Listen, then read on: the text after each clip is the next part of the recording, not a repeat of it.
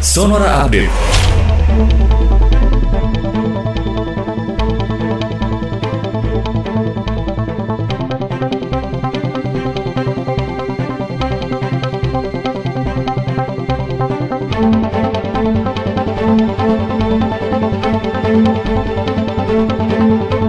Sahabat Sonora, juru bicara Kementerian Perhubungan Adita Irawati mengatakan mobilitas masyarakat mengalami penurunan signifikan selama penerapan larangan mudik lebaran 2021.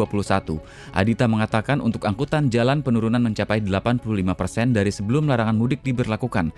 Kemudian untuk angkutan penyeberangan yang mengangkut logistik menurun 32%, persen, sedangkan untuk transportasi udara turun hampir 93,3% persen dan untuk kereta api turun 56%.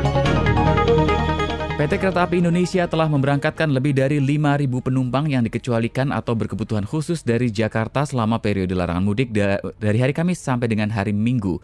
Vice President Public Relation Kereta Api Indonesia Joni Martinus mengatakan, sejauh ini pemberangkatan kereta api jarak jauh berjalan lancar serta pelayanan di stasiun juga terkendali.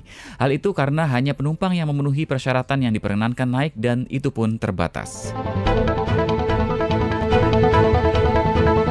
Indeks harga saham gabungan dibuka menguat pada perdagangan pagi hari ini. Pada awal perdagangan pukul 9 waktu Indonesia Barat, IHSG menguat 0,28 persen menjadi 5.945,03.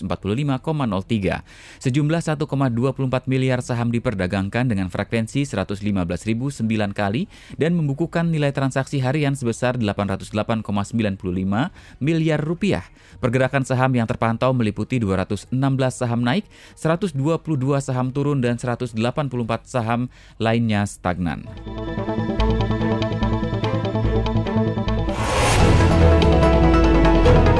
Demikian Sonora Update.